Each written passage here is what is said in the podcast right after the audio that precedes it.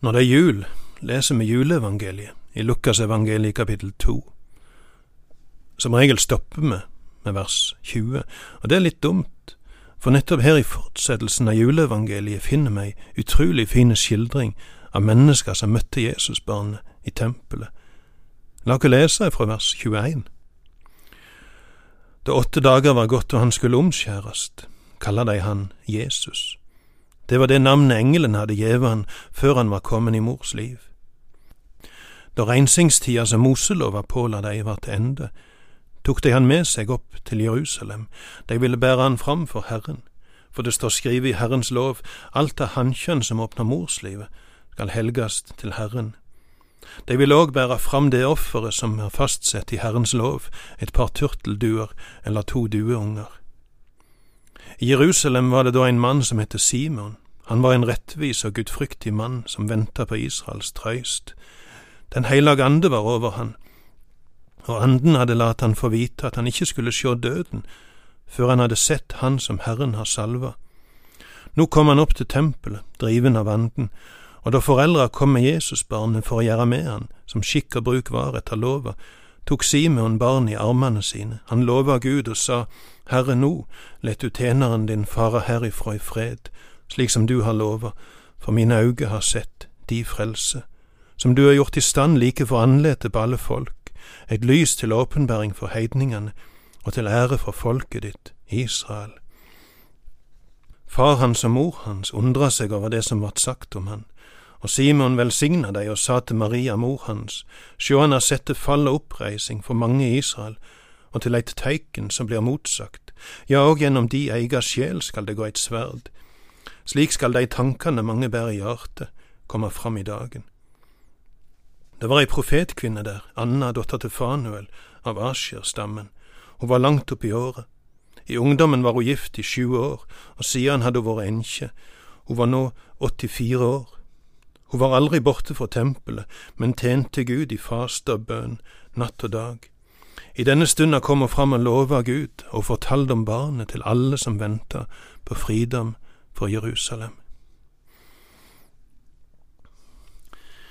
I dette avsnittet får vi høre om hvordan Josef og Maria oppfyller tre påbud som Moseloven har i forbindelse med at en gutt blei født, omskjæring på den åttende dagen, løskjøping og offeret som skulle bærast fram når rensingstida for mor var over.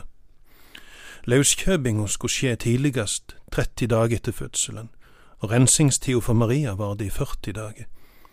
Josef og Maria ordner begge deler under et besøk til tempelet 40 dager etter fødselen.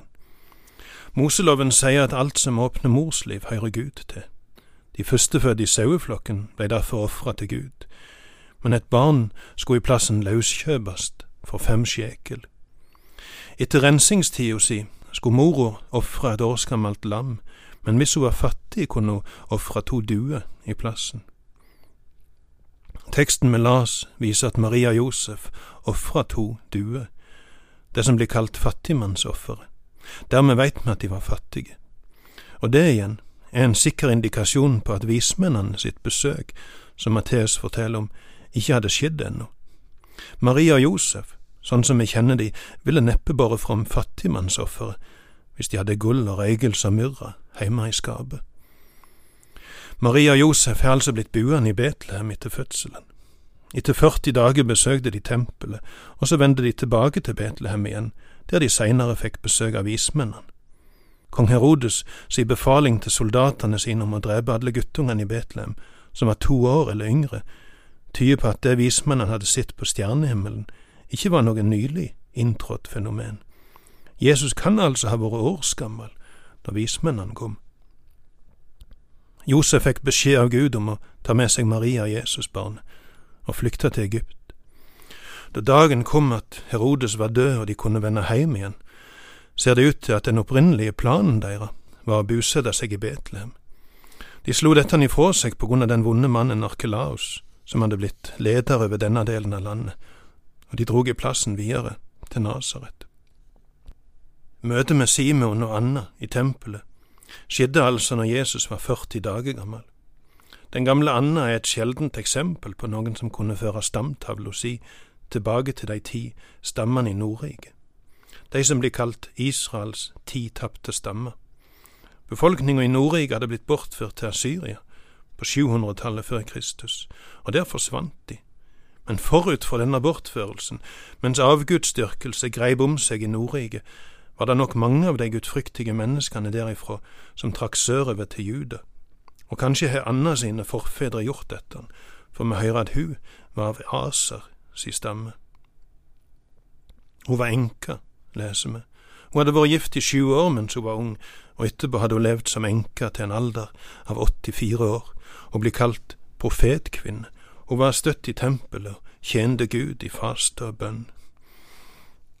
Det vi hører om Anna, gjør at jeg minnes mi egen bestemor. Hun var gift i ca. ti år, og blei enke som 34-åring når farfar drukna på sjøen. Heime satt bestemor med fem små, og gravid med nummer seks. Hun bodde heime på gården der jeg vokste opp, et stillfarende og gudfryktig menneske, et bønnemenneske som det var berikende å ha rundt seg. Himmellengselen henne og kjærligheten til Jesus hjelper meg til å forestille meg hva slags menneske den gamle Anna var. Hun som fikk oppleve at ei lang livsvandring i lag med Gud blei kront med et glimt av Frelseren.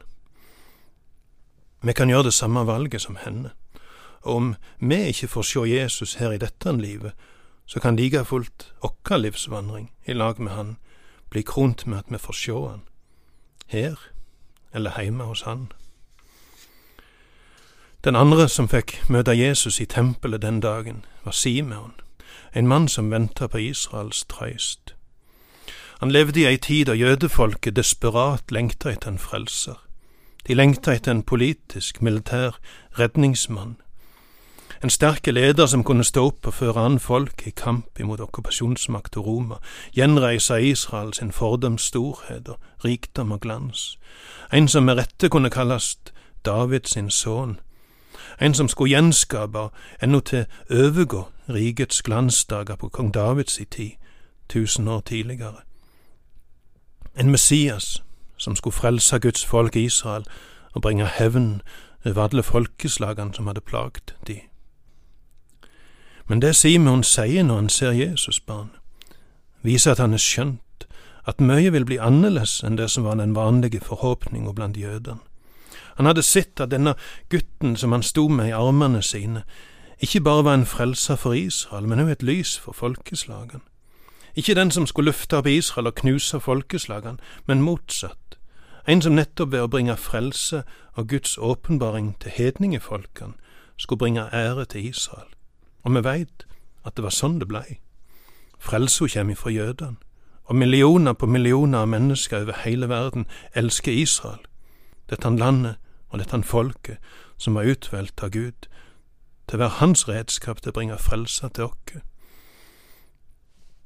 Jødene den gang, som så mange andre, ser storhet som materiell velstand og militær makt, men Frelseren som kom, forteller oss hva som er virkelig storhet, nemlig å få være et redskap til frelse og velsignelse for andre. Simon hadde skjønt at frelsa var for hedningene òg, og dessuten hadde han skjønt at dette barnet som han sto med der i hendene, ville oppleve ting som kom til å knuse Maria sitt mors hjerte. Når vi veit at hun sto attmed korset og så denne milde sønnen sin dø som en simpel forbryter, da ser vi hva Simon sine ord pekte fram imot.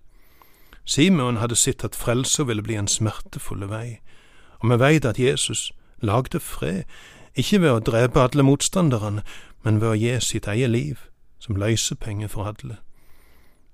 Videre forsto Simon at denne frelseren, Messias, som Israel så lenge hadde venta på, ville bli et vannskille i hans eget folk. For noen ville han være til fred og frelse, til oppreising, for andre ville han være til fall. Og vi veit at sånt blei det. Han kom ikke for å dømme, han kom for å frelse. Men ved at folk vender seg ifra den frelsa som han tilbyr, så dømmer de seg sjøl. Han skulle bli et tegn som blir motsagt, profeterer Simon.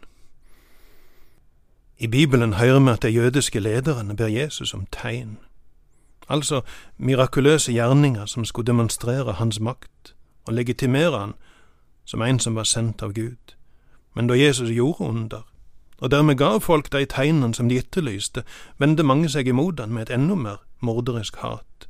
Ordene hans utfordra og trua maktstillinga og statusen deira, og tegnene gjorde han dobbelt farlig. Og sånn er det i vår tid òg.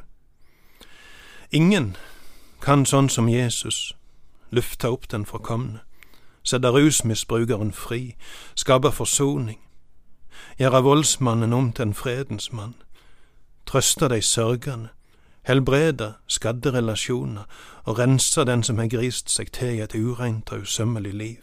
Ingen kan som han lære oss holdninger som får enkeltmennesker og samfunn og nasjoner til å blomstre, men han er til dags dato et tegn som blir motsagt. Bibelen forteller ikke hvor gammel Simeon var, men noe i teksten får meg til å se han for meg som en gammel mann. Han var klar til å dø da han hadde sett Jesus, leser vi, og så er det noe med de enkle ordene om at han venter på Israels trøyst. Hvem er det som lengter til trøyst? Eh, småunger som har snubla og slått seg, ungdommer som har fått hjertet sitt knust, men hos dei er det forbigående. Trongen etter trøyst er ikke det konstante hos disse, men mer ei sporadiske holdning. Men hos den som har levd lenge, kan vi finne en djupere lengsel en lengsel som ifra ei side setter en slags resignasjon. Unger leker og ser for seg gravemaskinen eller brannbilen de skal kjøre i dag, eller at de skal bli doktor eller noe annet fint. Ungdommer har krefter og pågangsmot og gir seg i kast med store prosjekt. Når bare de får slippe til, skal det bli vei i vellinga, og det skakkjørte samfunnet skal det endelig bli en ordnings på. Men den gamle har levd lenge nok til å sjå en ny generasjon gjør de samme feilene som den forrige. Han er sitt håp brista hos både seg sjøl og andre, han er sitt feilende ledere blir avløst av nye ledere, som er minst like mangelfulle, han er sitt folk som i sin iver etter å ordne opp ødela mer enn de fiksa, han er sitt tilkortkommenhet hos både andre og hos seg sjøl. Synd, svik, han er trødd feil og såra de han var aller mest glad i. Og han er blitt såra sjøl. Og så blir han etter hvert litt mer stillførende, litt mindre skråsikker, særlig på egne vegne. Og så begynner han å lengte etter at Gud skal gripe inn, at Gud skal tale, for da blir det rett, at Gud skal stedle sårene, for da blir de lekte, at Gud skal røre ved de harde hjertene, at Gud skal komme og gi folk mot til å våge å tro seg tilgitt, at Gud skal gi kraft til å legge det vonde bak. Simon gikk der stillfaren og gammel, ser jeg for meg, og venta på Israels trøyst. Gjør du òg? Og har du funnet han? Da kan du òg si, sånn som Simon, Herre, nå let du tjeneren din fare herifra i fred, for mine øyne har sett di frelse.